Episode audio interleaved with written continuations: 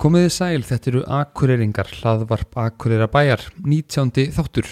Ég heiti Jón Þór Kristjánsson og í þessum þáttum fáum við að kynnast alls konar fólki sem er að gera merkilega og mikilvæga hluti í okkar samfélagi. Um leið heyrum við af þjónustu, áhugaverðum verkefnum, tækifærum og auðvitað góðar sögur.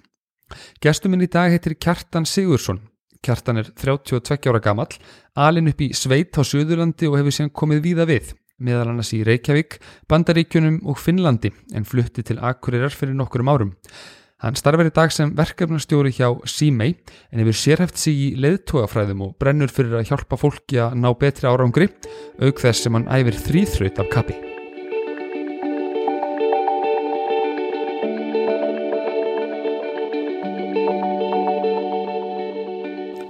Velkomin Kjartan. Takk fyrir það, takk fyrir að fá mig Hvað syngur ég er? Bara gífulega gott Er það ekki? Já, það er koma sumur og svona, það er ekki hægt að, hægt að kvarta Nákvæmlega, nákvæmlega, virkilega, virkilega bjartir og, og góðir tímar framöndan. Ég kynnti þið hérna inn uh, þannig að þú hefðir sérhæft í svo kvölduðum leðtoga fræðum mm og verður svona svolítið því að hjálpa öðrum eða ekki, eða ekki rétt það mér. Jú, það er svona kannski hérna grunnurinn að því sem hann langar að gera hverju minnst degi að hérna að reyna að stuðla því að, að bæði maður sjálfur og síðan aðrir lifi því lífi sem þið vilja lifa. En þú starfar í dag hjá Sími. Jú, og hvað gerur þar? það er rétt, ég sést þið verkefnastjóra fyrirtækjastuði á sími. Og er þá svona kannski í með það verkefni að svona sjá um fræðslu og, og annað fyrir fyrirtæki. Og hérna sjá líka um fræðslu greiningar og, og fleira þýjumlíkt. Og kem síðan að ímsum öðrum, öðrum verkefnum eins og markasmálum að hérna um, hjálpa til við ráðgjöfuna líka er að taka viðtöl við fólk og, og bara svona alls konar. Þetta er svona, svona skemmtilegt fyrirtæki på það að maður fær sko, maður fær eitthvað titil en er síðan með 150 bolta á loft í einu sko. Þannig að það er alveg svolítið skemmtilegt. Já, já Sími er mjög áhugavert, einmitt, áhugavert fyrirtæki og með ótrúlega hérna, fjölþætta starfsemi og fjölþætt hlutverk sko, ég langaði einmitt að, að tala um það við þig hérna eftir, en þú ert svona samt, svo við bara komum því strax að þú ert svona ákveðnum krossgötum í lífinu hvað þetta var þar Jú, jú, ég sérst er búin að vera hjá Símei síðan uh, haustið 2018 og hérna og bara búin að vera gífulega þakklátur og ánaði fyrir, fyrir það sérst tækifæri sem ég fekk að koma þangað inn því að þetta er náttúrulega ótrúlega mögnuð stopnun en ég sérst er síðan að fara bara núna eh, fljótlega sagt, aðeins að breyða til að hérna hefur alltaf verið draumur að, að vinna svolítið fyrir sjálfan sig og hérna búa til eitthvað, að gera eitthvað svona nýtt og skemmtilegt. Og fekk sér stækifæra á, það- á því um daginn að hérna bara hreinlega hoppa svolítið út og, og fara að vinna fyrir mig. Það voru ákveði fyrirtæki ákveðin fyrirtæki hérna á Akureyri sem að höfðu áhuga á því að fá mig inn til þess að hjálpa sér við sest, þá hluti kannski að byggja fyrirtæki sitt betur að innanverðu. Sest, að byggja að innanverðu og út til þess bæði að auka ánægi starfsfólks að auka bara uh, skipulegja ferlana og gera fyrirtækin bara almennt þú veist, maður að segja, betri? Þau eru mjög flott fyrirtæki í dag en hérna gera þau bara ennþá betri. Því að þetta er svona einstaklingar sem átt að segja því að hérna að það er svolítið fólki sem skiptir miklu máli. Og það sem maður hefur svolítið upplifað er það að það gleymist oft þú veist, í hraðanum í dag, í hraða samfélagsins og öðru að það, hérna, við erum svo einbeitt á kannski, hvað maður að segja, útkomuna í snæð fyrir vekkferðina akkurat og vekkferðin alltaf tengist fólkinu, mikið meira heldur en útkomun endilega. Já, og það er ekki bara, sko, með fólkinu þá ertu ekki bara að meina, sko, aðstu stjórnendur í fyrirtækinu bara starfsliðið eins og leggur sig.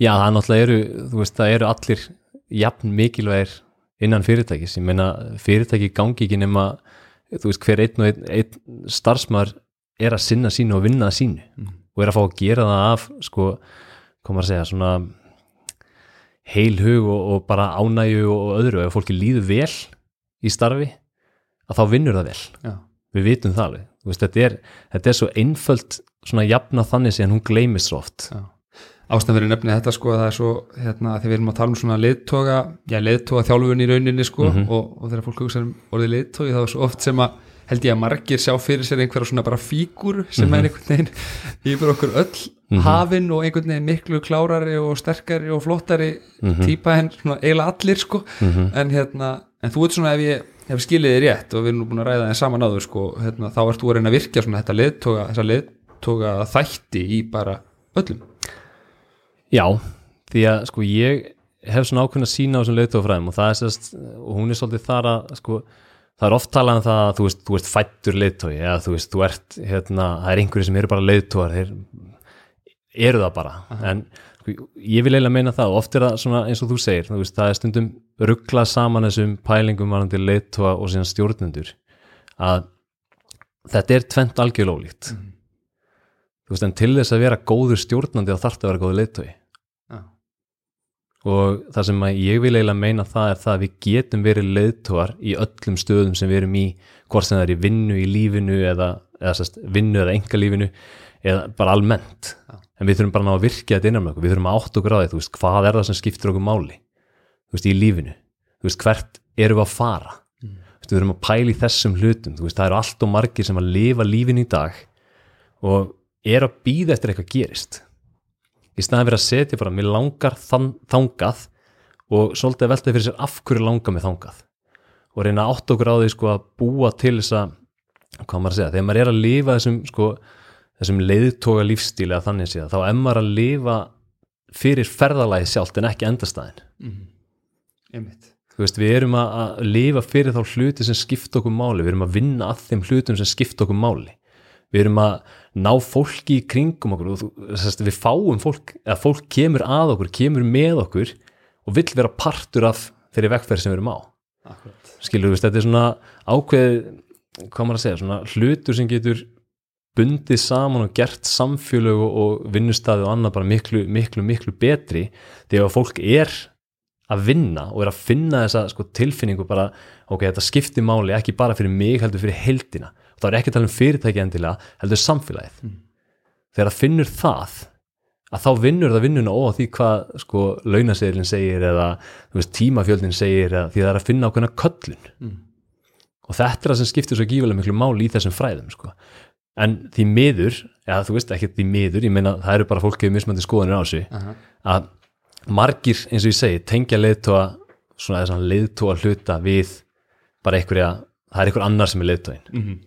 En við þurfum átt okkur á því að við getum verið leiðtóin sjálf. Það er miklu þægilega að það er ykkur annar. Það er, það er alltaf þægilega og þú veist, það að vera leiðtói er ekkert auðvelt. Nei, nei. ákveðin ábyrð, þú ert að vera svona, ákveðin virkni lífinu. algjörlega, ég meina þú þarfst að vera með skýr gildi. Ég veit ekki sko hvort að hérna, allir áttu að sjá því en sama hvort þú vitir gildiðin eða ekki þá lifir eftir gildum hverjum einasta degi. Já. en ef þú ferði ekki í pælingarnar hver eru gildin mín? Og svona velti því svolítið fyrir þér að þá er einhvað, gildin er oft talað um svona svolítið sem sko, koma að segja kompásin í lífinu eða svona, svona GPS-tækið mm. það morðaða þannig. Og ef þú veist ekki hvernig GPS-tækið þetta er stilt þá ertu að væntalega ekki að fara réttan stað. Þú veist, glæpaklíkur eru með gildi. Já, já. Veist, þau eru ekkert endilega bestu gildin skilur mig, en þú veist við þurfum að átt á þessu til þess að við getum lifað því lífi sem við viljum. Já, einmitt. Og þetta er eitthvað sem þú ert búin að vera að já, sérhefið í og velta mikið fyrir þér og, og vinna með eins og inn í símei og ert að vinna, vinna meira með núna bara sjálfstætt starfandi og, og með, hérna, með fyrirtækjum og, og einstaklingum og svona. mm -hmm. Uh, tölum meira um þetta hérna eftir. Mér langaði nú líka að bara fræðast aðeins um því persónulega sko, Mhm. og hvaðan þú kemur og hvernig hérna, það vill nú þannig til að þú ert hér 32 ára gamall eða ekki á Akureyri og, og hérna pæli þessum hlutum. Eh, en þú ert sko þú ert alveg upp í sveit eða ekki? Suðurlandi? Jú, ég sérst er alveg upp í hérna á bæsumdi Byrtingolt sem er hérna rétt hjá flúðum. Elstar upp í, í 16 ár á kúabúi. Já, þannig að það er hérna maður fekk að prófa ímislegt og eftir á hyggja, ég, ég skal alveg viðkenna það meðan ég var allst upp, að þá var hugurinn alltaf svona svolítið hérna annar staðar heldur en kannski í sveitinni og, og áttaði mig mjög fljótt á því að, að ég yrði sennilega ekki bóndi. Mm. því að áhuga málinu, áhuga sviðin lágu bara annar staðar. En eftir á hyggja þegar maður horfið tilbaka þá var þetta svona besti maður að segja, svona skóli sem maður gætt fengið að fá að vera í sveit. Já, því að maður læri svo gífilega mikið. Þú ert að vinna með lifandi skeppnur eða lifandi dýr og þú ert að vinna og það er að hafa tilfinningar. Það er, þú veist, þurfa að hafa mismunandi þarfir. Þú ert að átta því þú ert að þú leysir aldrei sama verkefni tvisar eins. Þú veist, það er aldrei tvö verkefni eins í sveit. Einmitt. Sem er alveg pínu magna því þar þarf maður að virkilega pæli veist, hvernig ger ég þetta? Ok, þetta er öðruvís í dag. Hvernig þarf ég að breyta, þú veist, minni hvernig ég kem að þessu verkefni í dag og svona þannig að aðlöguna hæfni, þú veist, svona skapandi hugsun þetta eru gífilega miklu hluti sem kannski fólk tengir ekki alltaf við heldur sveitastörf einmitt. Veist, en ég vil meina það þessi, þessi skóli, þessi fyrstu 16 ár eru kannski þeir hluti sem að mótuð mann að svo miklu leiti líka, þú veist, núna þegar maður er í þessum pælingum varandi, þú veist, leiðtóhæfnin og annað. Því þar þurfti maður að finna leiðtóhan hjá sjálfum sér til þess að koma í gegnum allt, allt þetta, öll þau verkefni sem maður að vinnað þar. Já, það er sko, bændur náttúrulega eru, eru gríðilegir leiðtóri þurfa að hafa mikla hérna, leiðtóa hefna leiðiljósi og mjög svona skapandi hugsun og svona eins og þú segir. Það er engin, það er engin annar að fara að mæta og bjarga fyrir málunum, Nei, mjög sjaldan. En mjög sjaldan og hérna og eins og ég segi, sko, þú veist, þetta eru svo mismöndi verkefni og þau eru svo skemmtilega skilur út af því að þau eru mismöndi og þannig lærir maður líka, sko, þú þarft að gera alla þessar hluti, þú sleppir ekkit ákveðnum hlutum, en þannig lærir maður einmitt þetta líka, sko, ok þú veist, mér, finnst þetta ekkit skemmtilegt.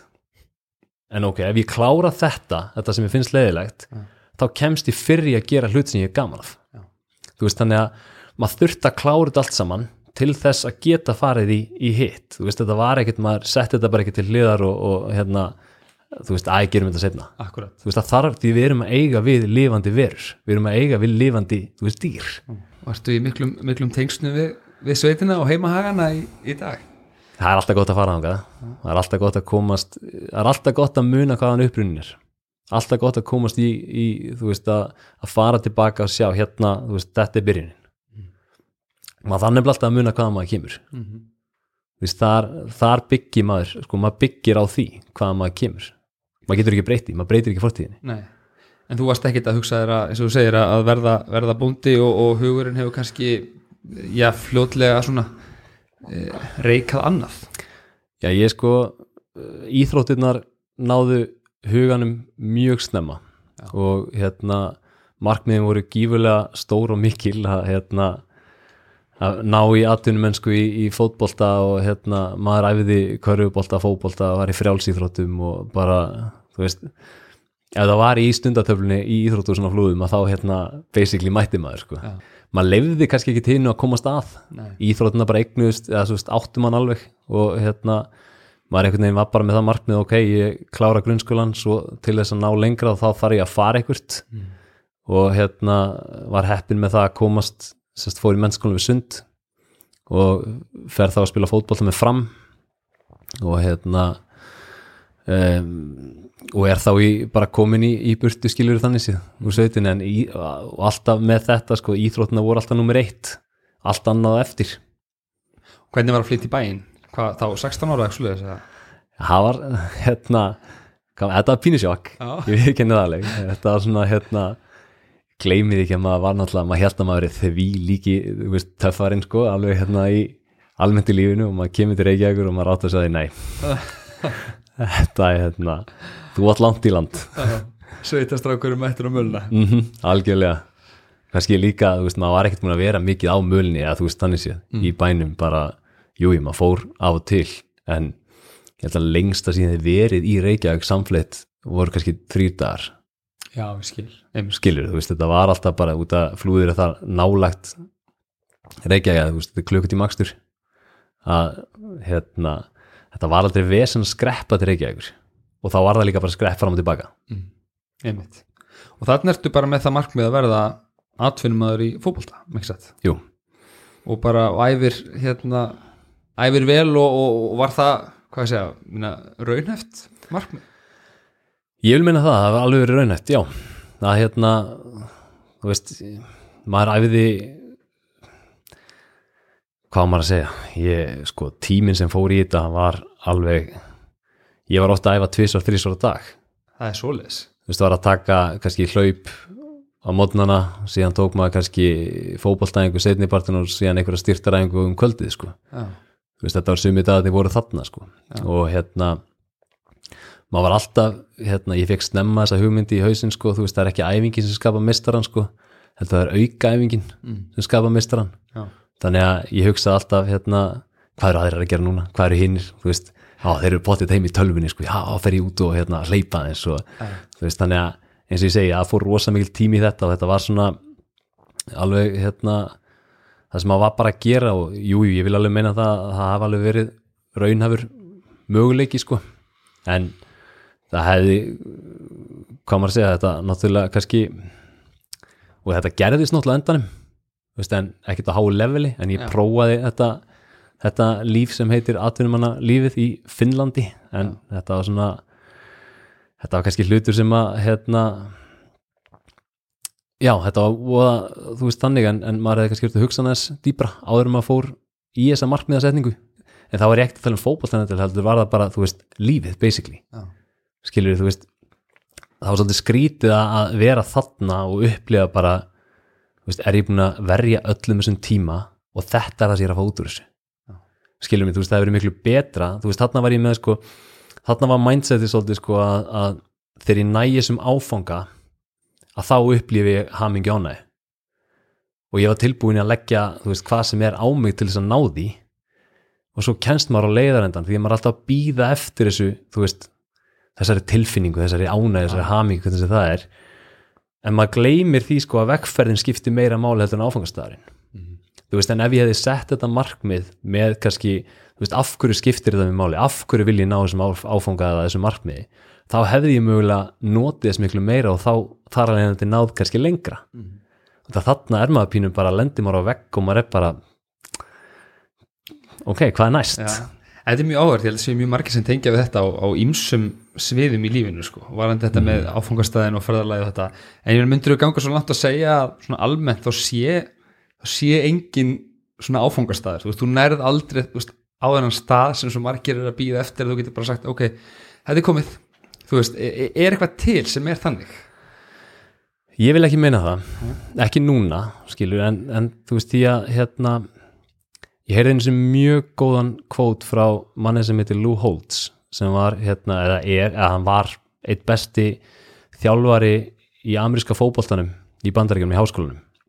Hann sagði þú veist annarkvort að vaksa þú veist að deyja. Og það fyrir mér meika svo mikið sens því að sko, ef þú ert alltaf að leita eftir áfangastanum og ef þú kemst á áfangastan þá ertu, hvað, þá ertu stopp, þú veist, þá ertu komin bara Já, flatt, hann segir þú getur ekki verið flatt annarkvort ertu að leitast eftir ykkur meira og komast lengra og þá ertu að vaksa eða þú ert reynilega komin á þann stað að þú ert farin að deyja. Eða sérst dala fyrst og svo endan náttúrulega þú veist, bara ferða á þann stað að þú bara uh, finnur ekki tilgangin eða þannig sko, lengur. akkurat. Því að ég vil meina það, þú veist, þú hérna um, það er oft verið sagt skilur þú læri eins lengi og lifir.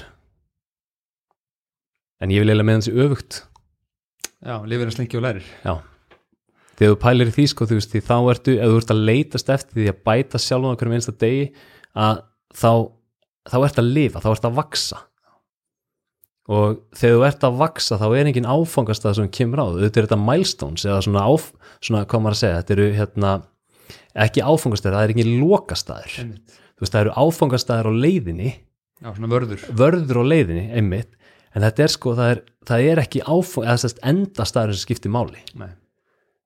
heldur er það það sem þú ert að gera og þess vegna sko þarna já, vil, þú veist, þú er að gera vekkferðin að því sem þú ert að gera. Já, ekki einblýna á hérna, stöðuhækkunna sem þú fær eftir mánuði eða bílinn sem þú ætlar að kaupa þér eða þú veist, að það séu punktarnir sem að gera þig hamingi saman ánaðan Akkurat, en það lítur að vera svona einhver blanda því að þú lítur líka allavega einhverjir þrýfast á því að hafa einhvern svona áfungastað fyrir augunum sko og geta þess svona vaksið á leiðinu og geta þess svona notið alls þessum lífur upp á bjóða vegna þess að þeir eru alltaf að stefna. En þá snýst um það einmitt eins og þú segir að, að þá halda áfram og vera alltaf að byggja upp og, og vera ekki bara með augunum á hverju einu og svo bara ná því þá bara, ja, en þetta er komið, ég er bara hérna 27 ára eða eitthvað og, ég er bara að ná öllu sem ég ætlaði mér, það er best að vera að slaka bara á. Ég þarf náttúrulega verður, eins og þú segir, þá fer þetta bara niður að við sko.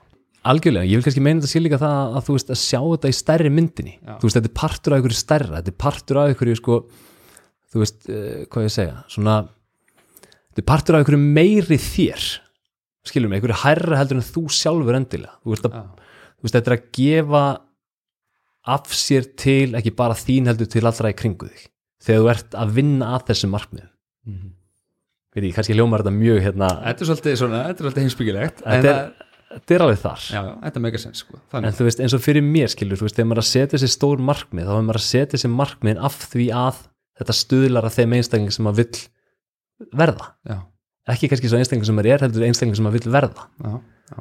Þetta er áhuga, sko, ég held sér margir sem er mitt ég svona, í kringu svona markmiðarsetningu þá er oft talað með þessu mikilvægt að setja sér markmið og hugsa svo, hvernig ætla ég að ná þeim? Mm -hmm. ekki eins oft talað um af hver eru ég að setja mér þetta markmið? Þannig að þetta er mjög þetta góða punktur. Já, því að eins og fyrir mér sko, því að þetta er svo mikilvægt, þú veist þarna, ég er búin að upplifa þetta. Mhm. oftar en einu sinni. Það sem að setja sér markmið og bara ég ætla að ná þessu, ok?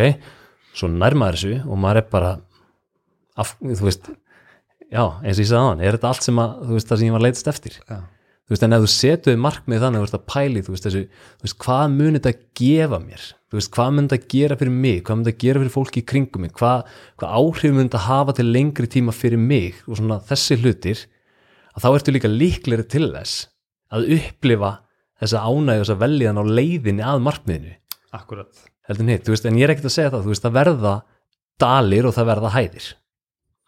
En þarna, þú ert tilgjörna af hverju þú ætlar að ná þessu markmið, þá ertu líkleri í dýfstu dölunum til þess að geta heyrðu, af hverju er það þessu? Af hverju er að, þú veist, af hverju er ég að vakna hérna klukkan, þú veist, 5 hverju meinasta mótni til þess að, þú veist, hlaupa 150 km, nei, þú veist sumi gera það. Ég gera það en þú veist, þetta er bara til þess að drífa mann áfram, þá þarf maður að hafa maður þarf alltaf að spyrja sig af hverju er það þessu? Mhm. af hverju skiptir þetta máli? Já, fyrir þá mig, ekki fyrir þig eða þú veist makan eða eitthvað, maður þarf alltaf að finna fyrir sjálfan sig af hverju skiptir þetta mig máli. Akkurat. Við vorum að tala um hérna MS og, Mhm. og hérna mennskólan við sund og, og hérna og þú fer svo í háskólan, já, háskóla Íslands eða ekki, jú, og hérna talandi um skemmtileg ferðalög, þá hérna þá, þá prófaður ímyndst að er það ekki? Jú, ég sem sagt hérna vil meina það að ég hef séð fyrir þessum tíma þetta er hann í kringur hruni að ferðamanna innar nýrði stór, Já, þannig ég skelli mér í ferðamálafræði. Akkurat. En nei, ég segi svona. En hérna, ég fór í ferðamálafræði fyrst bara því ég hafði gífilegan áhuga á þessu þessum geira, mér fannst hann eitthvað spennandi og, og skemmtilegur og, og vera mikið að tækifæri sem tengdustónum því að einhvern veginn svona með öllu sem hafði verið að gerast að undan þá, hvað maður segja, ég var heimurinn kannski meira að opnast. Mhm. en síðan fljótlega þá áttaði á því að þetta var kannski ekki, þú veist, námið sjálft þetta var rosa fræðilegt nám menn ég var kannski að leita meira að einhverju praktísku Mhm. en morða þannig. Já, en kannski gaf ég þess ekki bara nægan séns, ég veit það ekki. En ég allavega óþólum aðeins nýverið að þú veist hvað maður segja, fyrirvild í manni sem hérna, hoppar að flýgur á milli mismöndi staða það hérna gerði það verkum að skyndilega fannst mér sniðut að fara bara í yðnaverkfræði þannig að léttu upp eða þar? Já, ég, þetta var eiginlega tvær. Svolítið þannig, þannig að ég hérna skelli mér í yðnaverkfræði semst ég tók eitt ár í ferðamálafræðinni og, og hérna síðan haustið eftir þá hvað ég að fara í yðnaverkfræði því að mér fannst það eitthvað svona meira nálagt því sem að sko, hvað maður segja sem stjórn, eða svona þú veist að reka fyrirtæki að stjórna og þú veist þessum pælingum sko, þú veist hvað þarf að gera hvað þarf að vera og þannig. En á sama tíma þarna þá fór ég svona aðeins að velta fyrir mig Ég alltaf átt með draum að fara til bandaríkjana í fótbolta í háskólastyrk og hérna fór að veltaði fyrir mér hvort að það væri einhver svona nálgun sem ég ætti að prófa.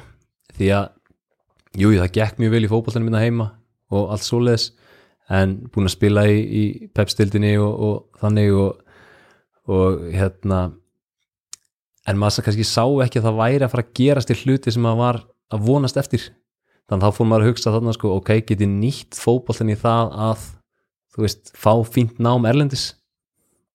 Þannig að ég hérna kemst í samband við háskól úti Coastal Carolina University í Suður Karolínu og hérna þeir höfðu strax mikið áhuga að fá mig og allt svoleiðis. En þá kemur í ljós að sá skóli var ekki með verkfræði deilt þannig að þá var sjálfsögðu þannig að skipta aftur í virka sniðut og ekki ferðamála frá þetta heldur. Nei, að, jú þeir voru með túrism en ég hafði bara minni áhuga á því á þeim tíma. Já, já, þannig að viðskiptafræði var fyrir valinu. Já, fyrstast í viðskiptafræðina í HÍ ætlaði þess að fara í viðskiptastjórnun úti og að ákveða það. Og ferða í viðskiptaræðdildinni hérna til þess að geta tekið með mér einhverja einingar veist út. Þannig ég er því mögulega sneggri að klára grunnnámið Já, og með það kannski fyrir augum að mögulega ef að þannig myndi líka við þá myndi ég taka meistaranámið samhliða sko. ok. Ég sem sagt fer út haustið 2011 og hérna kláraði á grunnnámið mitt þar á tveimur árum.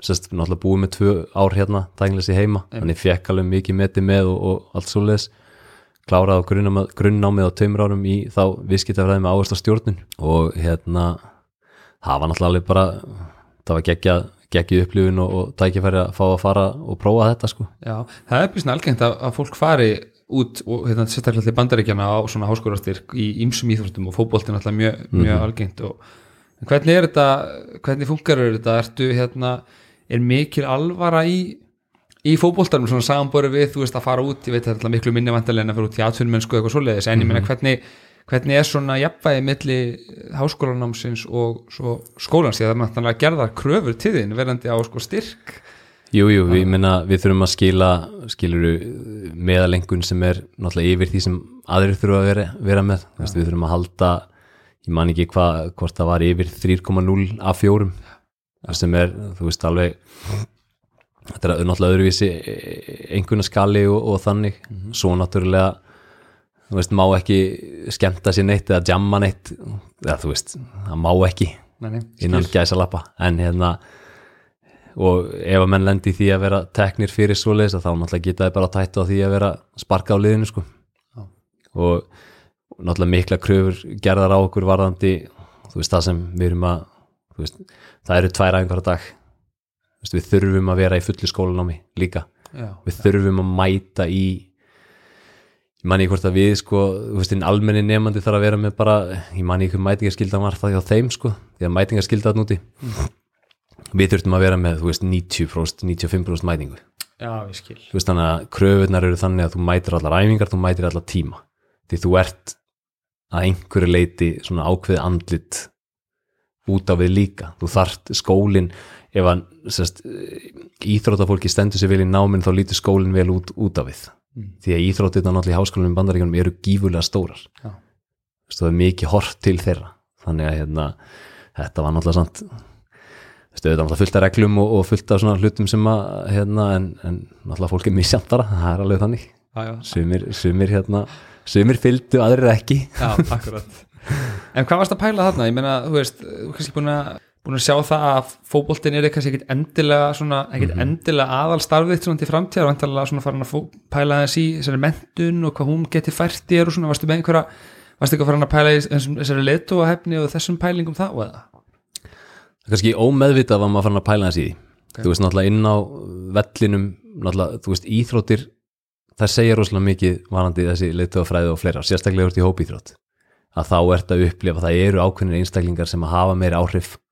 en á sama tíma geta allir haft áhrif. Mm. þú veist, á hvort annan. Eða hvor aðra eða í, þú veist, saman hvort kynnið er, skilur mig. Þannig að þarna fór maður aðeins að taka eftir því og pæli, þú veist, af hverju er þessi að hafa áhrif? Af hverju er þessi, þú veist, hvernig áhrif hefur þú veist, þessi hérna versus þessi hérna? Og það var pínu magnað að pæli því sumir voru hljóðláta einstaklingarnir sem letu verkinn tala og letu þannig. Akkurat meðan aðrir voru þessar sem, voru stanslöst með óbeina munnin skilur mig og voru að leiðbeina og, og þú veist, sumt jákvæmt, sumt neikvæmt ég meina orðin komum bara út. En hérna það býnum magnað að upplifa þetta þannig að fóðum maður að sjá skilur þeir eru rosalega misjafna leiðirnar til þess að vera leiðtói og vera svona svolítið leiðandi í þeim hópsögur því Akkurat. Og maður fósaldar hann að fitta sinn og pæli ok, býtu af hverju er þetta að virka? Og af hverju er fólk að horfa til hans eða af hverju er fólk að horfa til veist þessa hérna sko? Þannig að, jú, jú, maður fann að pæli í þessu en fótboltin var samt alltaf um reitt þarna. Hann náttúrulega, þú veist, seldi mér hugmyndina þjálfarin, þú veist, breskur hérna, breskur kallum um 50 þarna á þessum tíma sem að hérna, seldi mér þá hugmynd. Hann náttúrulega gífulega vel tengdur og, og hérna, saði bara, jú, við komum þér í atvinnmennskuna Ok. Vist, hann sagði það bara basically sko, og það var það sem hérna, ef þú stenduði vel að þá hérna, þá rettu við því. Já. og þannig að maður alveg bara horfði á þetta bara yes, ok, þetta er ennþá nummer eitt.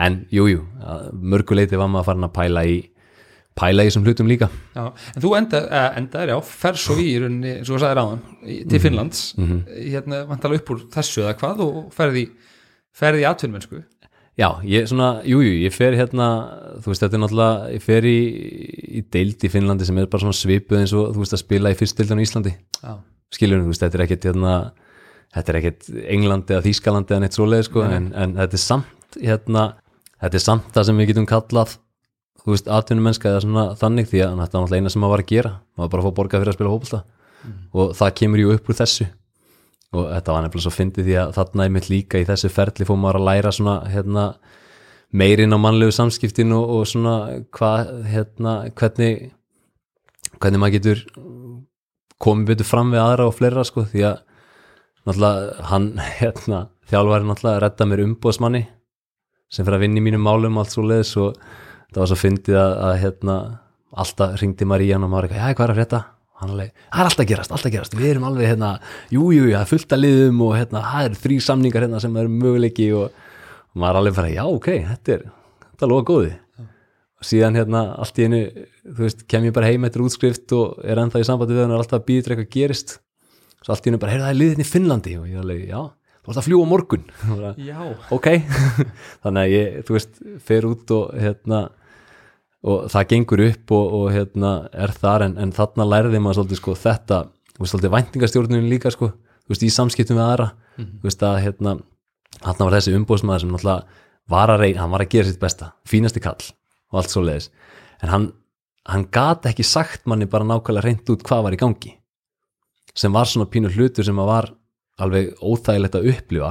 En ofti talaði um það sko að þú veist, hvað maður að segja verstu leiðtóðanir eru bestu kennararnir því maður lærir mest af þeim sem gera hlutina quote and quote rand akkurat, já skilur þú veist, þarna fór maður einmitt, og þarna fór maður svolítið að upplifa ok, ég ætla ekki að vera svona.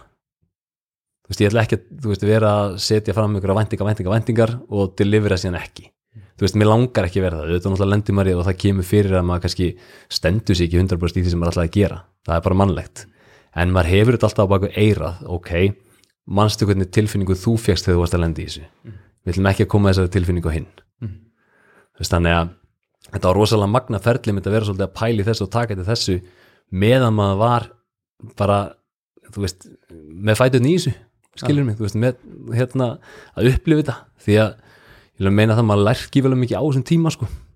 Þú veist, einmitt um kannski, hvað ég segja, sjálfan sig og hvað skiptir maður máli, hvernig maður vildi vera og, og svona uh, og þannig, sko, sko ég, já, þessi svona persónlega uppbygging sem ég fyrir að pæli svona þessi, sko hvað maður að segja, hérna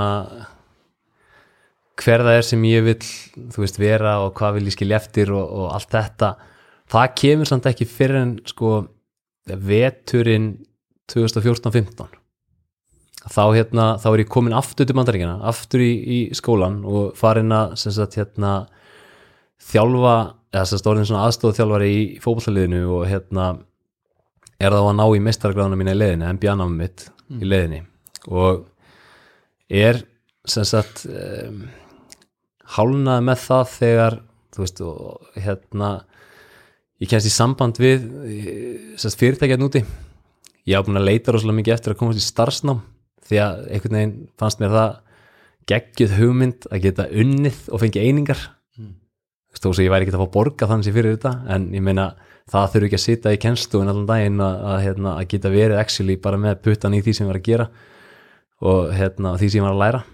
Já, bara góður einsla algjörlega og geggja á CV þegar maður kemur aftur heim skilur að hafa unnið í bandarísku fyrirtæki að, þannig. Þannig að ég hérna, fyrir tilvílun kemst í samband við eh, fyrirtæki sem er í þessum leiðtóa hérna, fræðum og er að með leiðtóa prógram fyrir fyrirtæki og, og halda námskeið og fyrirlestra og, og þannig. Ég kemst í sambandi það og, og teka að mér svona starfsnám í markasmálum fyrir þetta fyrirtæki. Það var mjög lítið fyrirtæki í Suðu Karolínu og þar sem sagt kynnist ég mannesku sem að hefur mikil áhrif á mig í þessum fræðum. Hún svona hérna fyrir að setja mig á ákveðna braut varðandi það að fara að pæla í þessu almennilega þú veist, fyrir að láta mig lesa bækur fyrir að láta mig gera verkefni, fyrir að láta mig svona pæla og ég veit ekki, hún greinlega sá eitthvað í mér sem að hérna, þú veist, sem hún hafði áhuga á. Þú veist, fræðilega séð því að ég fór að hafa rosalega mikið áhuga á þessu.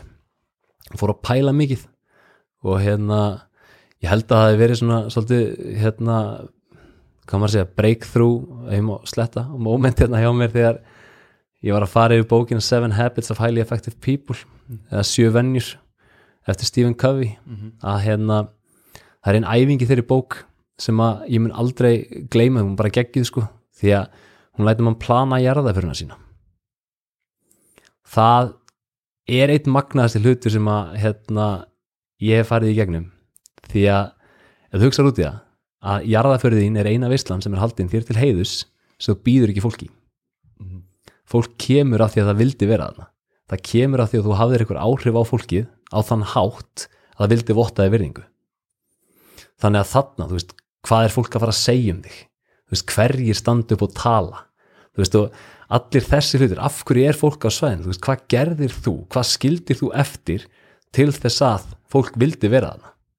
Þarna fór maður að hugsa bara, ok, heyrðu, hvað vil ég heila fólk hugsa um mig, hvað vil ég þú veist, skilja eftir og, og hérna, vilja vera munað eftir fyrir, þú veist, fyrir hvaða hluti og það svona svolítið fór að íta mann út í, ok hvað skiptir máli hjá mér, hvað er það sem ég vil standa fyrir, hvað er það sem drífur mig áfram? Og kannski ósýlvægt áttaði mig á því þar að, að þú veist þetta að hjálpa öðrum að verða besta útgána þeim sjálfum til þess að heimurinn verði betri.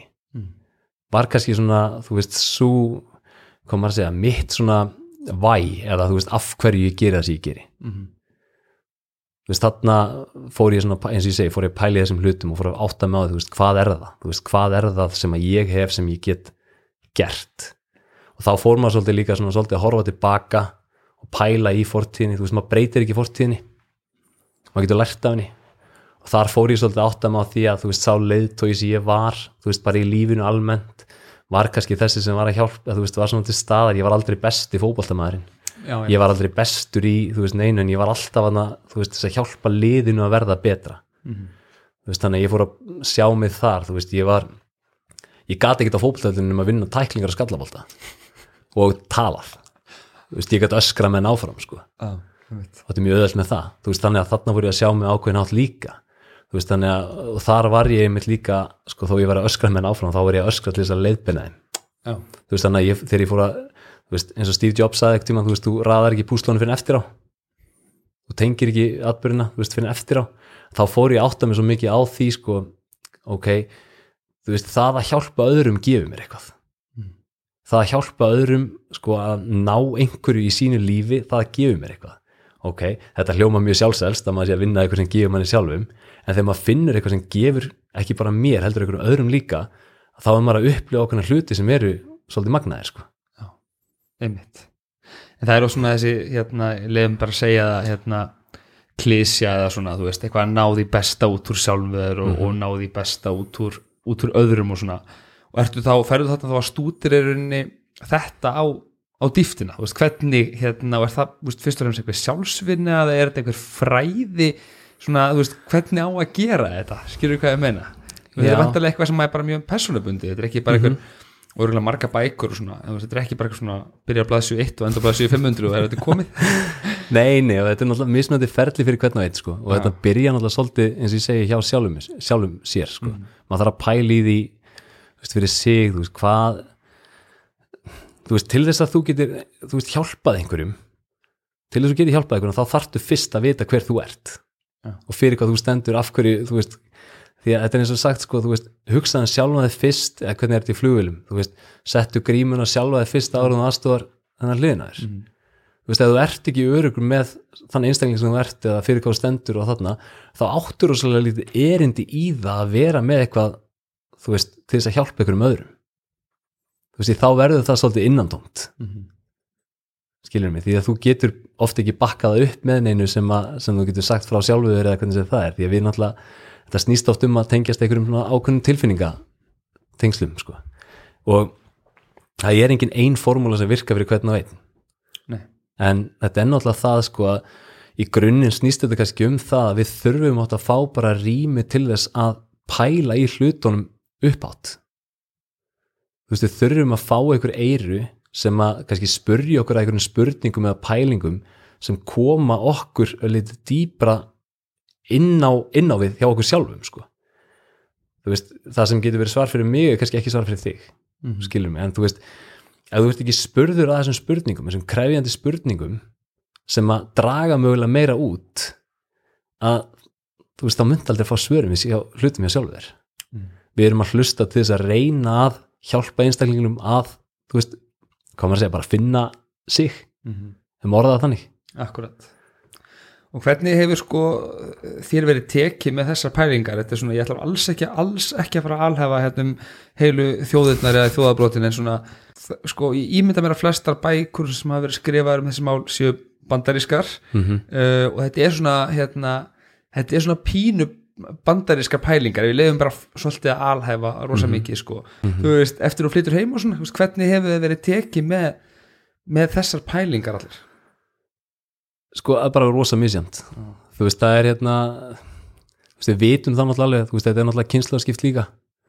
Þú veist, að hérna kynslaðuna sem eru undan okkur það er lifa svolítið í bara þessum þú veist, þú fer bara og klára hlutina og gerir það bara og ert ekki alveg mikið að pæla í því þú veist, tilfinningum á bakvið það eða þú veist, þú veist, ég veit ekki maður hefur ekki oft upplifað það hérna, þú veist, bara það að segja ég elskaði við eitthvað það er ofta rosalega erfitt hérna heima skilur, þú veist, þannig að við erum svolítið, eins og þú segir, við erum svolítið lokuð þjóð upp á þetta og að mörgu leiti þá hefur þetta jújú, jú, þú veist, þessi hefur verið tekið vel en á sama tíma náttúrulega líka margir sem bara veist, í, í alvörinni þú veist, er þetta sem hérna því langar að vera að gera, skilur mig? Því að, já, það er miklu betra að fara bara og, veist, vinna þig upp í ykkur fyrir, þú veist, þetta. Já. en fyrir mér það skiptir ekki máli hvað öðrum finnst veist, ég er svolítið þar. Veist, ég, hérna, ég veit þetta virkar. Mm. og þeir sem ég hef unni með og þeir sem hafa verið að fara í gegnum hluti með mér allt svoleiðis, þeir, þeir er alveg þar líka. Þeir finna að þetta virkar. Og hérna þannig að, þú veist ef að fólk er sam, sammálaðis og það er ekki, það er bara svoleiðis. Veist, við breytum því ekki. En besta leiðin til þess að gera það er bara að halda áfram skilur mig. Já. þú veist að vera svona svolítið trúr því sem maður er að gera. Því að hérna náttúrulega í grunninn þá, þá vill maður að fólk lappi ánægt heim og sé ánægt heima á sér og vakni ánægt Mhm. þú veist að fólk sé að upplifa þetta sko.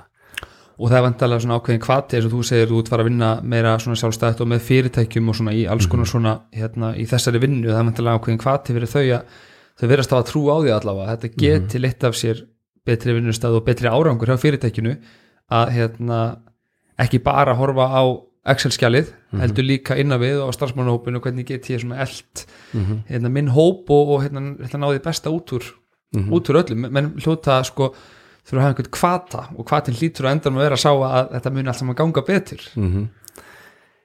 Já, algjörlega. Og hérna, þetta er kannski eitt hluti sem maður upplýði þegar maður flutti heim sko, er það, þú veist, jújú, jú, við erum alveg að einhverju leiti komin inn í einhverja svona pælingar þú veist þessar mannöðs pælingar mm -hmm. það er orðin mannöðstjórar á rosalega mörgum stöðum í dag algjörlega, sem voru ekkert fyrir þú veist, við erum alltaf kannski ekki það gamlir en hérna fyrir kannski 15 árum síðan það voru ekkert mannöðstjórar í öllum fyrirtækjum. Nei, nei, einmitt. Það er bara staðrind þú veist, en mannöðs, þú veist, þetta segir sér sjálft að þetta, vera, þú veist, þetta er stjóri yfir mannöðinum Já. sem er starfsfólkið. Og bara sko hérna, orðnótkunni sko, þetta var hérna svolítið mikið starfsmannastjóri. Mm -hmm. þú veist að stjórna starfsfólkinu skilur við, núna er þetta mannauðurinn. Mhm. þú veist bara, þú pælir í tungumálunu sko. Algjörlega. Þú veist, starfsmannastjóri á móti mannöðstjóri Mhm. þú veist, setna orðið gefið til kynna að þetta eru svona mestu verðmæti fyrirtækisins sem þú ert með í höndunum sko. Algjörlega. Þannig að það er alveg eitthvað þú veist, greinilega. það er alveg stór punktur og hérna, eins og ég segi sko, ég, þú veist, maður tók eftir líka sko, þú veist, þegar, eins og ég segi, þegar maður kom heim þú veist, við erum svolítið eftir, við erum alltaf svona kannski uh, kannski 5-7 árum eftir bandarækjumunum að mörguleiti í því sem við erum að gera, en við tökum upp rosalega mikið af hlutum sem þeir gera fyrir vestan, Mm. það er alveg þannig. Ég, hérna veist, við, í mörgum tilöfum kannski tökum við upp meira sem tengist business af vestan heldur en fyrir austan og Evrópu. Mm. Það er mín skoðun allavega, það er svona mín upplifun. Ég er svona, alltaf ekki alhæfa það samt en veist, þetta er svona allavega mín upplifun hvað það var þar þannig að það eru gífulega mikil tækifæri í þessum geira í dag.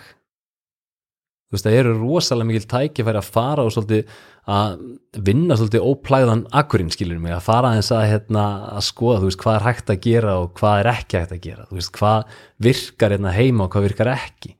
En sérðu tækifæri þá í þessu sko eins og hér fyrir norðan og á, á Akureyri? Já, ég algjörlega. Og það, hérna, þú veist allstað sem að er þó að sé ekki nema einn einstaklingur að vinna einhverju þar eru tækifæri til að hjálpa þeim einstakling að ná öllítið betri árangur í því sem hann er að gera. Þú veist, því að ef við erum með vakstar mindset þegar við vorum að tala um á þann að þá erum við ekki að fara veist, þá erum við að leitast eftir einhver. Þó okkur gangi vel þá viljum við samt ná öllítið meiru. Og oft á tíðum, þú veist, þá þurfum við að fá kannski annað sjónur á það sem við erum að gera. Eða þurfum að fá eitthvað til þess að hjálpa okkur í, þú veist, ákveðnum hlutum. Veist, við verðum að viðkjanna það, við getum ekki gert allt sjálf. Einmitt. Veist, við þurfum átt að fá aðstóð við að, að veist, ná því besta út úr því sem við erum að gera. Já. Akkurat þannig að, eins og ég segi, eitthvað tækifærin eru gífilega mikil. Veist, en það er bara, maður þarf að trúa að þessu tækifæri. Og það mun kannski taka líka tíma þú veist, að fyrir fleiri að, að átt að sjá því. Mm þannig.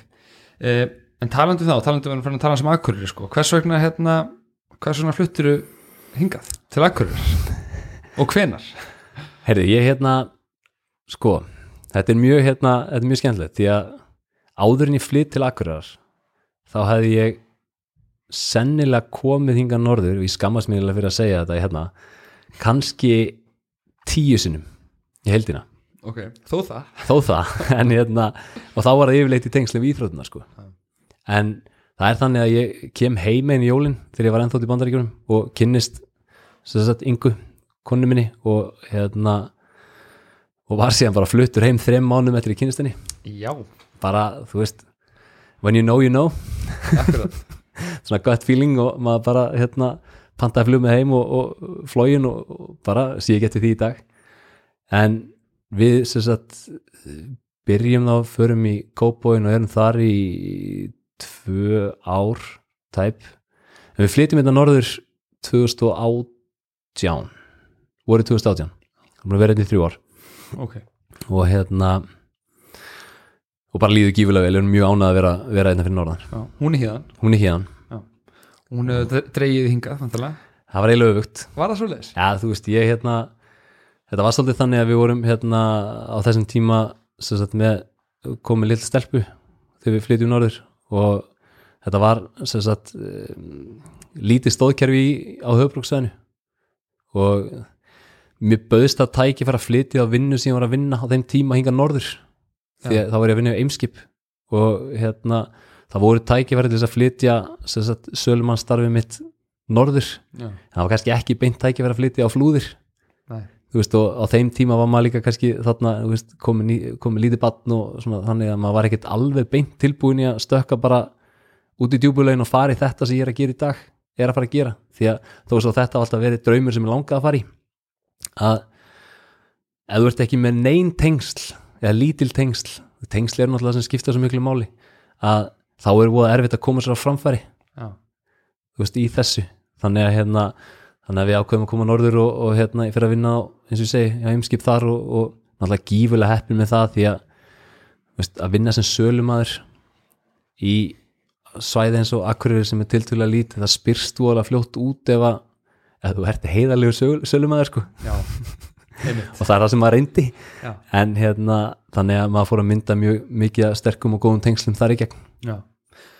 Þetta er mjög, hérna, ég er mikill áhuga maður um það sem svona ungur tiltölu ungur, hérna, akureyringur mm sko, hvaða er sem að hérna fær, emitt ungt fólk eins og ykkur til þess að flytja og þú nefnir sko fjölskylduna og hérna manstu hvað það var, sko var það eitthvað fleira en, en bara, hérna, fjölskyldan? Þá væntalega hennar sé hér eða, eða var eitthvað fleira sem að gerða verkum að því voru til í að veðja á að flytja til Akureyrar og alveg bann hér og, og svo framvegis.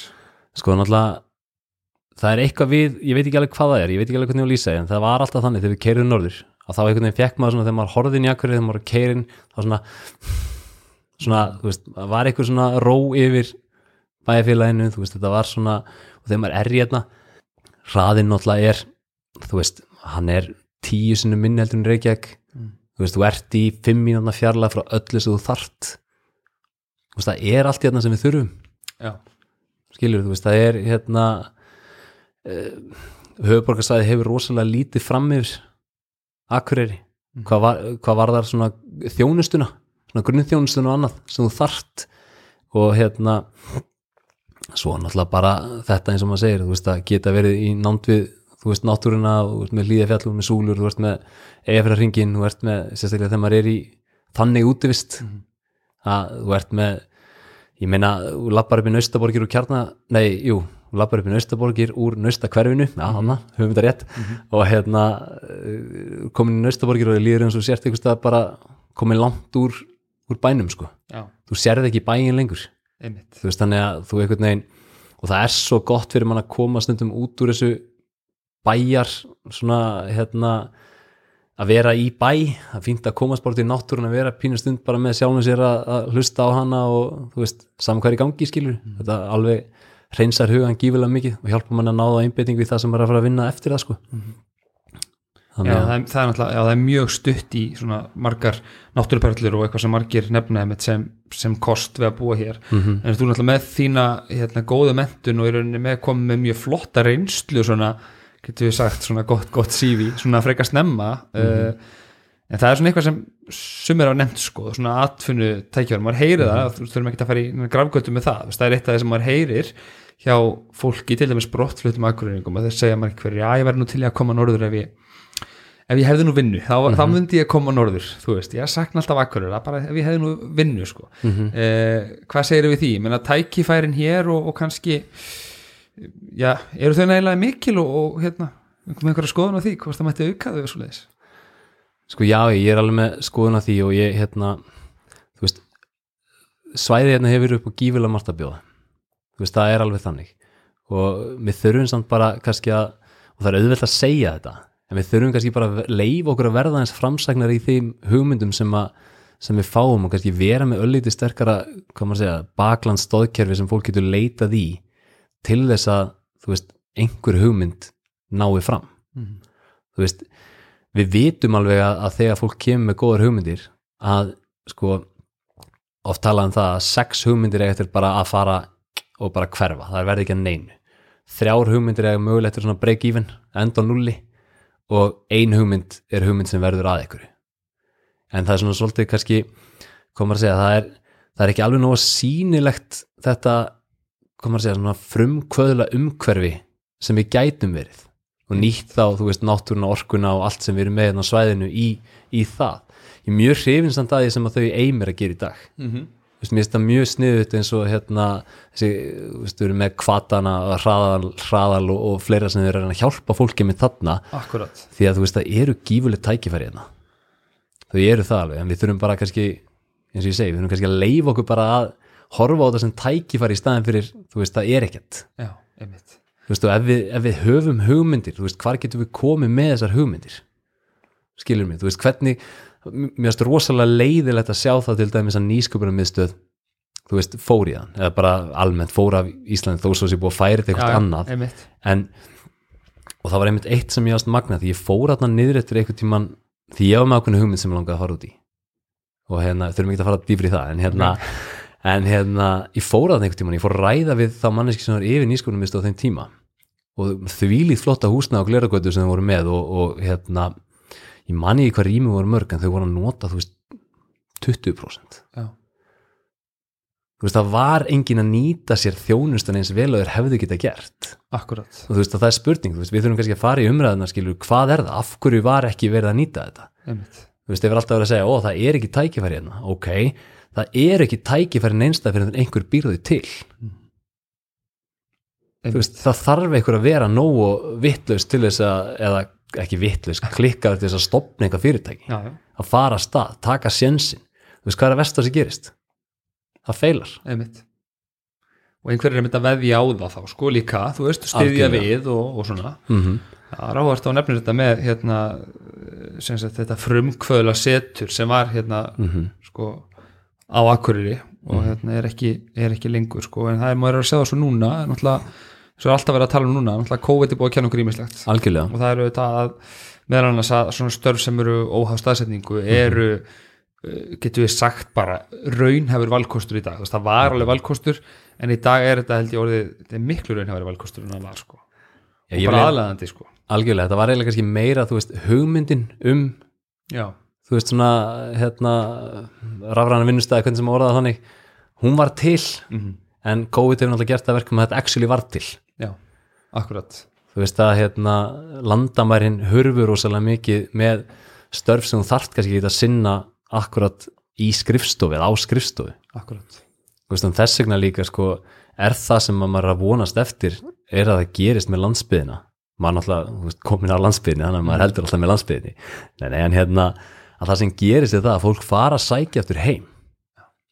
Að og síðan er það náttúrulega sko þetta að reyna að búa þá til eitthvað svona ákveði sko þú veist, þú ert komið kannski með 10-15 mann sem er að vinna fyrir fyrirtæki þess vegna sunnan eða eitthvað starf í heiminum bara þá þarftu líka að geta búið til þetta samfélag þar sem þetta fólk getur hist þar sem þetta fólk getur verið svolítið svona innan um hvort annað. Því að hvað veit maður, kannski allt í hennu kemur einhver, heyrði, ég var að gegja hugmyndum helgina. Mhm. þú veist, þá sprettur eitthvað sem að hérna, varða að einhverju?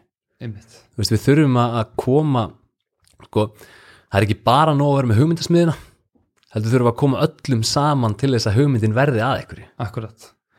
Svona einhverju svona klasa, klasamyndun einhver. Einhver svona þannig bara þú veist þessar pælingar ég meina eins og þetta geta verið með bara veist, skrifstofu rýmið það sem fólk getur leitað í og, og unnið frá eða hvernig sem það er og, og veist, verið með bara einhverjum, eða skilur mig, þú veist, bara úr hvaða geira sem er, því að í grunninn þá tengist þetta allt. Já. við þurfum á hvort öðru að halda til þess að við getum náð ykkur fram, ef maður orðað þannig. Já, akkurat.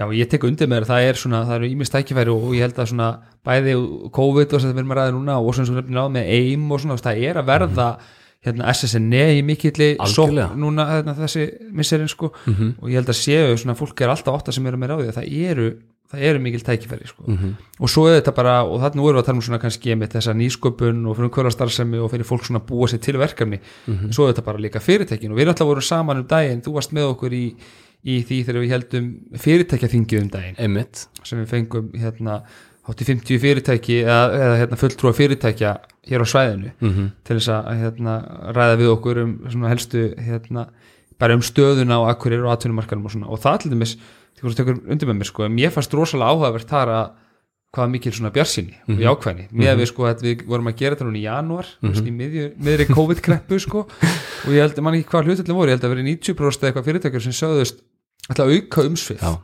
á komandi misserum. Mm og veist, þannig að það er alveg, það gefur mann alltaf að þá vona að það sé það er mikil sóknar hugur Já, já, og eins og ég segi, þú veist, það er það. Og maður finnur það alveg, þú veist, það er eitthvað svona hérna, að mjög jákvætt í, að er margt mjög jákvætt í samfélaginu í dag, hérna. Og svo er það náttúrulega bara spurning samt, sko, þú veist, við þurfum sem samfélag að fylgja því eftir. Skilur, þú veist, á þinginu var að var geggjað að hlusta á menn vera að tala um, þú veist, hvað er alltaf að gera hvernig, þú veist, plön eru og hvað hvernig er sjálfhutuna fyrir sér, þú veist vilja allir vera partur af samfélaginu sem er hérna í fyrirtækjastri ég man ekki þegar við settum fram spurninguna þannig að væri til að taka þátt í þessu eða svipuðu aftur? Veist, 99% þauðu já, einmitt. Skilur mig, sem er mjög jákvætt upp á það, þú veist, þarna sérmaður að það er einhver vettvangur, einhver grundvöldu sem þarf að búa til. Til þess að fólk geti þú veist, ekkit endilega hist bara til þess að pæla í, hérna, hm, hvað ætlum við að gera morgun varðandi businessin, heldur bara sam, þú veist, samfélagsins vegna þú veist, ég var að vinna verkefni með ferðarþjónustunni sem var alveg orðið mjög skemmtilegt hérna fyrir COVID, fyrir árið síðan í gegnum Símei, það sem að hérna, við vorum búin að búa til fræðsla á ölluna sem nokkrir ferðarþjónustaðalar voru búin að sammælast um og þetta var þannig að þau hittust bara í Símei, bara gáttu sendt, þú veist, tíu manns á námskeið sem dæmi frá mismöndi fyrirtækjum, það sem fólk var að hittast og fólk var að kynnast.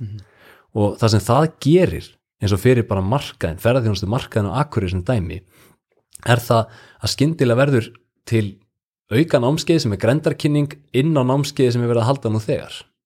Skilur, fólk fyrir að læra fólk fyrir að tengjast persónulega við eitthvað sem er að vinna hinum einn og hvað gerist þegar tengjast persónulega við eitthvað þú veist, ef að þú myndir þekki eitthvað innan fyrirtækis ertu ekki líklega til að leita til hans hennar? klálega. Það er það sem við erum svolítið að reyna veist, það sem við þurfum að reyna að gera. Við þurfum að reyna að búa til þennan vettvang það sem fólk fer svona aðeins að hm, ég heyrði já, ég þarf að leita til einhvers þarna. Hvern, hvern ringi því akkurat þú veist, ég er að leita þarna. Veist, þetta er svona, við þurfum að stuðla að þessu því það vilja allir, eins og við tókum þetta á þingin það vilja allir taka þátt í því að byggja upp samfélagið. Já, en þú veist, er grundvöldurinn til í dag? Já þetta, er, þetta er mjög áhvert og einhvern veginn hvað samtalið getur gert mikið sko. Já, því að sko, málið það líka við fæði að taka eitt punkt að viðbót að þegar þú kemur tveimur einstaklingum saman þá ertu með einn og þú ert með einn. Þú ert með tvo einstaklinga, ok? Með mismöndu hugmyndir. Þeir deila og fá leiði til þess að deila sínum hugmyndum og því sem þeir að pæla allt svo leiðis þá eru 1 plus 1 ekki 2 heldur verða 3 eða meira. Því þá ertu komið með tvo einstaklinga með tvær hugmyndir sem búið til þrið hugmyndina. Þú veist þannig að 1 plus 1 verður 3 þú veist, jafnvel fjórir því að skyndilega myndast tröst á milli þess einstaklinga líka. Þannig að leita til hvers annars aftur.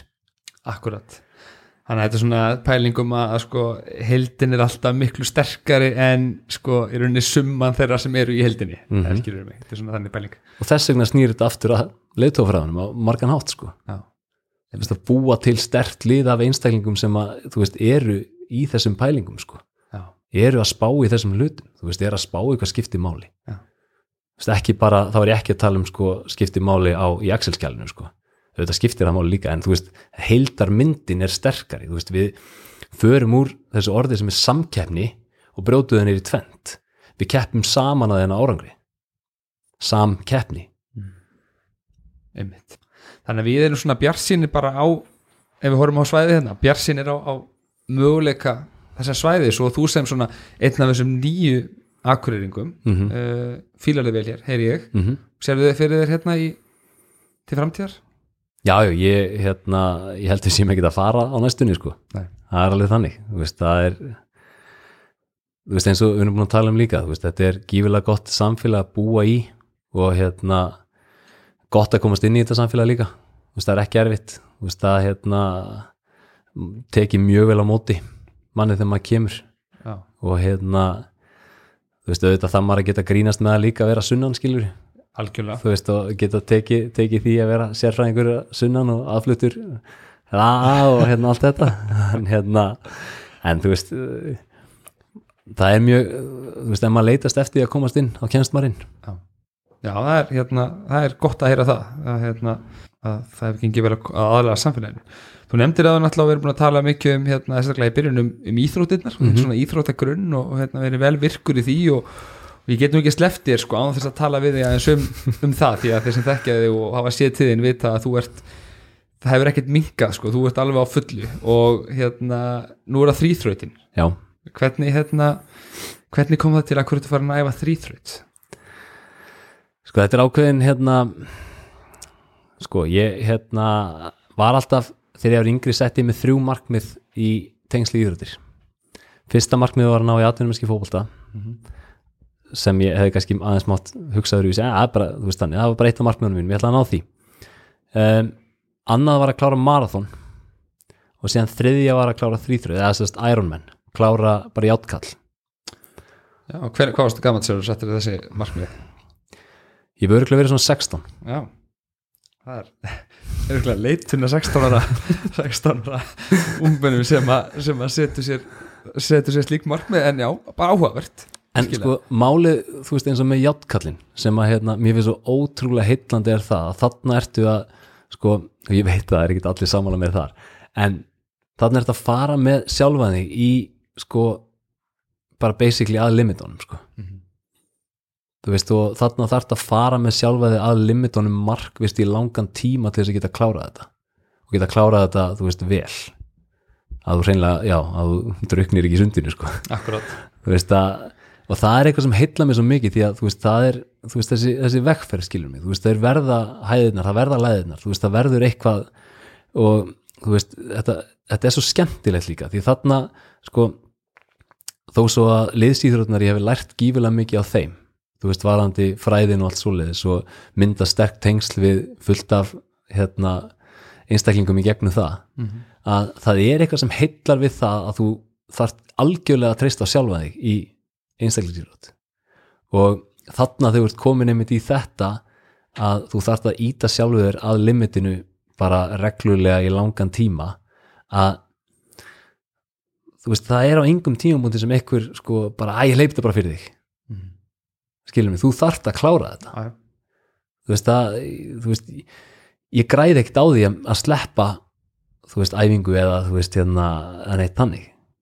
Já, þú veist, ekki nefnum að sé meittur eða hvernig sem það er, en Já, já. þú veist, í grunninn þá snýst þetta svo mikið um, sko, þetta þetta er stórt markmið og maður þarf að setja stór markmið um að ná árangri en þú veist, markmiðið verður líka samt að hafa eins og ég segi, þú veist, það verður eitthvað afhverju á bakviða, sko og þú veist, það er með þetta hérna, það sem ég sagði áðan, sko ég fór um að pæla rosalega mikið í þessum markmiðum mínum um daginn eins og varandi þrýrötina að sem sagt, ég er með ákveðin að sína það hvað skiptir mér máli og hvað ég vil gera. Og það er að, þú veist eins og ég sagði áðan, að, að hjálpa öðrum að vera betur útgáðan þeim sjálfum.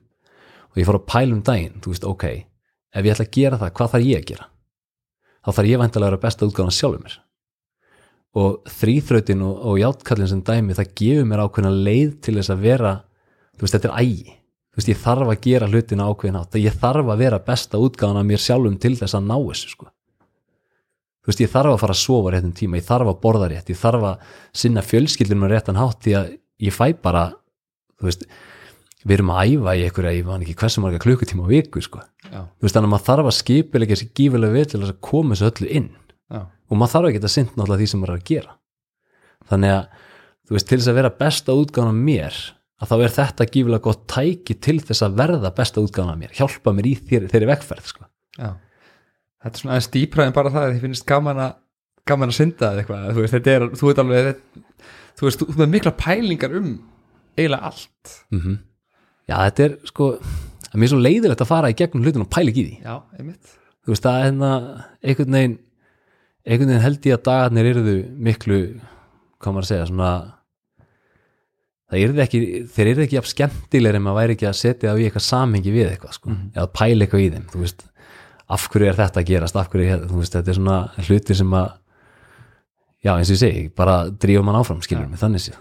En fyrir maður að sé verið þetta, sko, þannig að fyrir það sem það tekki ekki til uh, þrýþraut er uh, sund, hjól og hlaup. Já. svo er allt talað um játkall mm í sömu andra og þrýþraut en hérna, en uh, það er ekki öll þrýþraut játkall játkall er bara svona getur við sagt svona eh, lengsta útgáfan, svo er þetta verið tvöfaldan játkall og þrefaldan og eitthvað svona örgla, en já, hérna, já, já. en svona játkall er ein tegund af þrýþraut Já. sem er aftur hvað?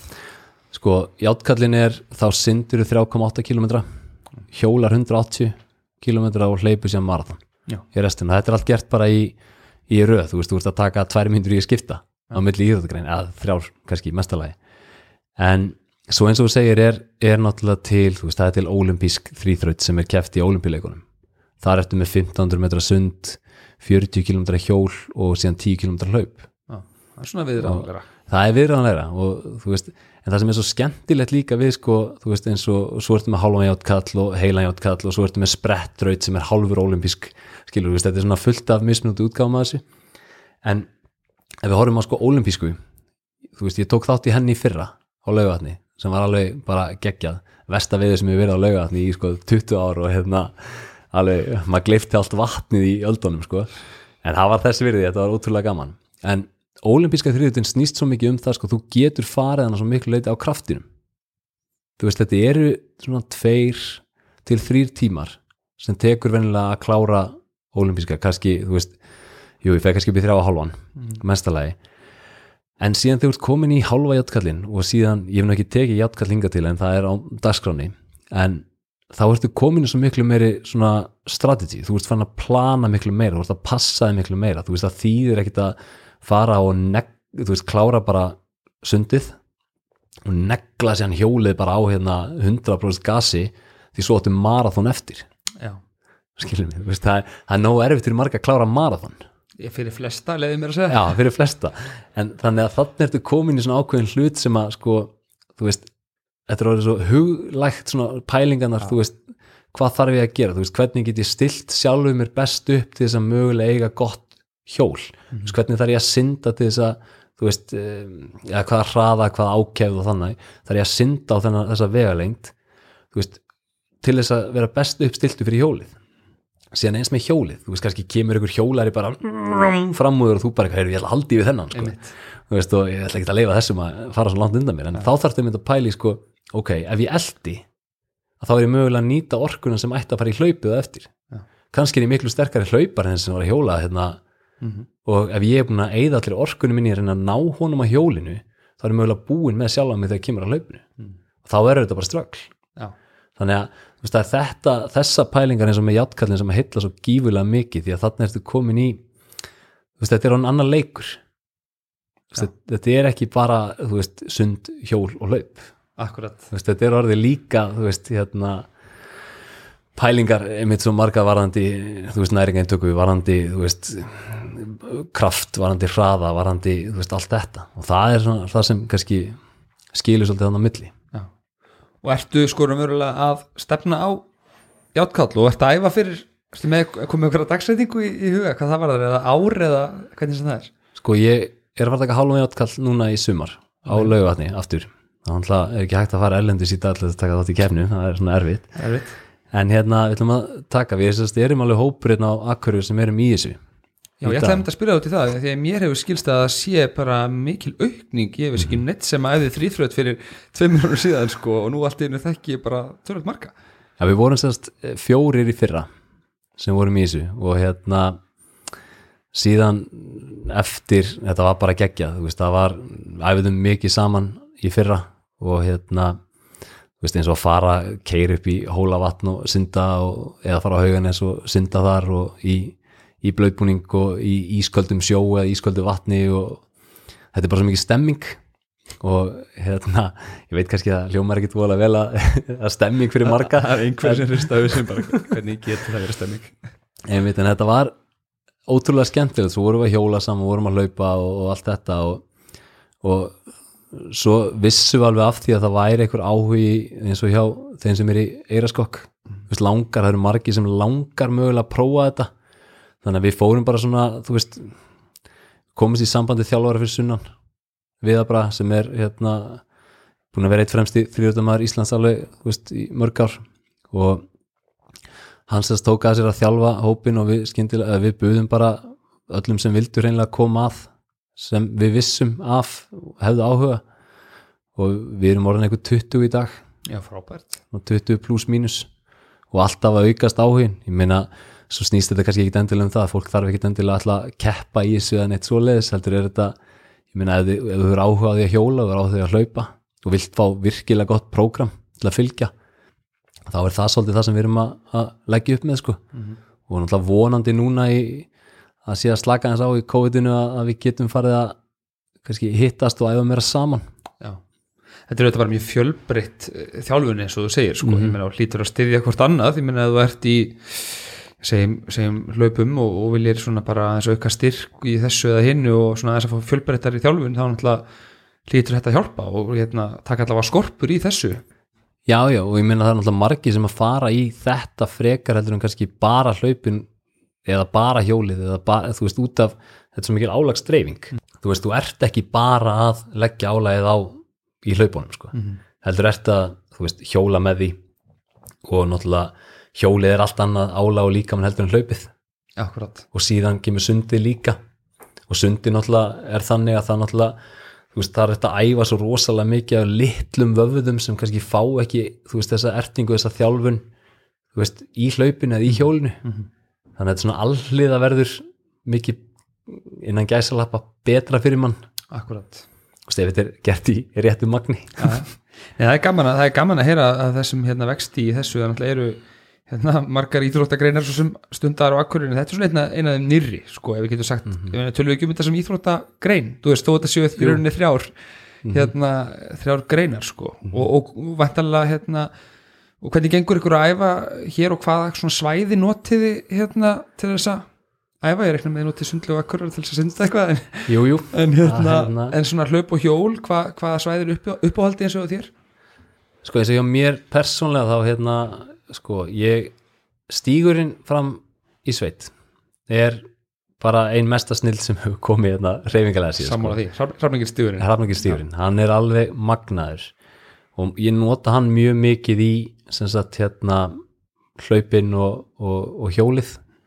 Ég er ekki svona fjallageit eins og þú veist margir í eiraskokki og hérna er kannski ekki vola góður í fjallalaupunum en, en þú veist það er bara þannig en, en þess vegna finnst mér rosalega gaman að komast á stígin því þar getur maður á auðveldan hátt sérstaklega ef að æfingin snýst um að hraðastilla sig að þá getur maður á mjög auðveldan hátt haldið ákveðnum hraða í ákveðin tíma.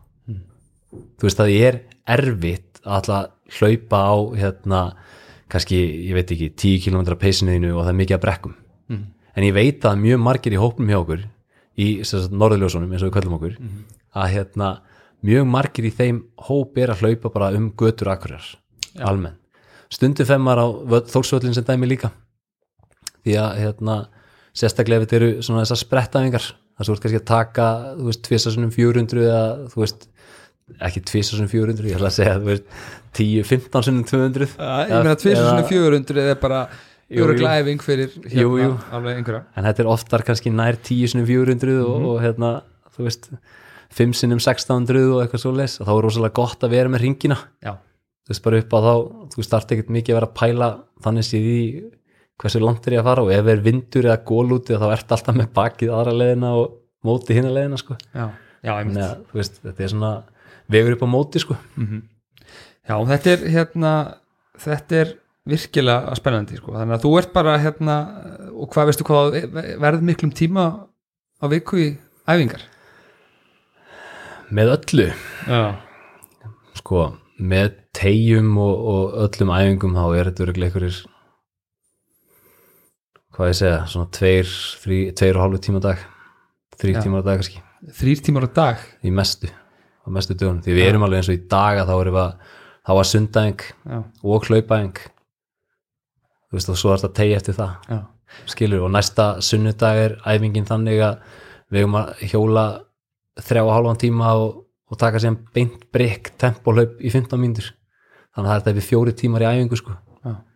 Þess, þannig að þetta er svona en það þurfum ekki allir að taka þetta svona langt skilur með, ef menn alltaf gera þetta samt, veist, eins og við sem erum að keppi í þessu, sem ætlum að keppi í þessu að við viljum gera þetta þarna sko Og þú hefur sko eins og náttúrulega þeir sem hafa hlustað á þetta viðtal eru fannir að átt að sjá að þú ert svona með svona ákveðnar hugmyndir um hvernig þú vilt gera hlutina og, og setur svona ákveðna hérna, stefnu og ert hérna, sagt, bara duglegur uh, og þú ert með hugmyndir um það að keppa í játkalli mm -hmm.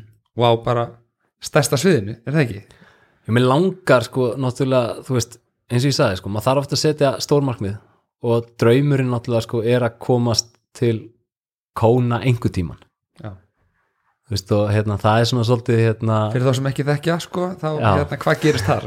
það er sérst alveg heimsmeistaramótið í þessu, veist, það er bara segja, þetta er svona mekka veist, er þetta er talið alltaf að þetta við byrja þar á Hawaii Mhm. og hérna það er alltaf einu svona ári sem að ég man ekki hvað eru margir sem að keppa í einu en einhver 2000 manns eða eitthvað svoleið sem að komast ánga og en ég er ekki að tala um að fara að reyna að keppa í atvinnum sko, í þessu en þetta er svona að komast í þessum age groups eins og er kallað sko, þú veist að komast inn á þínum aldurspili og hérna hvort sem það verður aldurspili 30, 35, 35, 40, 40, 45 það kemur í ljós en, en hérna draumurinn var á einhverju tíma að komast ánga ef maður næði því þá er maður svona svolítið hvað maður segja, þá þyrfti maður ekki að, að það myndi krossa svo margt af listanum hjá sér, hjá manni þú veist að ná þessu en auðvitað væri maður ekki búinn þar. Nei, eins og við rættum líka á það Mhm. barandi sko áfangastæðin að hérna, það þarf alltaf að setja sér einhver, já þetta einhverja nýja stefnu sko. Algjörlega, en þarna myndi maður samt sína sko aftur, þú veist því að maður vill vera besta útgáðan sjálfur sér, skilur, og sérstaklega eins og fyrir börnin og, og annað. Að maður vill sína þeim að, þú veist með því að leggja sér hart fram og hafa sín og hafa svona skýra stefnu, þá getur þú náð basically fram því sem þú vilt. Þannig að þetta væri rosalega stór varða í því að vera besta útgáðan af mér til þess að sína líka, þú veist, þetta er hægt. Þú veist, þegar ég leggja staði í þessu fyrir þú veist, ég byrja náttúrulega bara í fyrra í þessu, ég er búin að hlaupa lengi en þegar ég leggja staði í þessu í fyrra að þá kannski var hugmyndin bara ekkert þarna. Mhm. auðvitað náttúrulega hafði maður alltaf baka eira þetta gæti kannski einhver tíma mögulega því að keppniskapi er það mikið í manni. En þarna þegar maður fyrir að pæla þessu dýpra þá gæti þetta verið svona einn af þessum hlutum sem að þú veist, þau gætu hort á og sagt heyrðu fyrst að pabbi gæt þetta? Þú veist, akkur get ég ekki x, y, z, skilur mig? Þú veist að reyna alltaf að íta hlutunum öllítið lengra til þess að fólk líka bara aðrir í kring sjáu, ok, hann er að lifa þessu. Þú veist, mig langar að vera eða þú veist, mig langar, þú veist maður þarf að lead by example. Mhm. maður þarf að sína hlutina sem maður er að tala um. Maður þarf að, þú veist, það er ekki næ- nægilegt að tala bara um þetta, sko, þú ert að gera það. Akkurat. Og það er svona svolítið sem að mér langar líka að, að þú veist, skilja eftir einmitt þarna því mér langar að fólk horfi og segi bara ok, hann er actually að, standa við það sem hann segir. Frábært. Ég held að þetta séu hérna, varlega hægt að enda þetta betur, ég vona að þetta, þetta gangi hérna rosa vel og ég vona að þú hérna við sjáum þig í, í keppni í, í átkalli á, á stóra sviðinu innan tíðar, hvenær sem svo það verður. Og hérna og ég vona líka að það gangi vel í, í þínu verkefnum framundan. Eh, Kjartan Sigursson, virkilega gaman að spjalla þig. Sumulegis fara, gangið vel. Takk hjá fyrir, sumulegis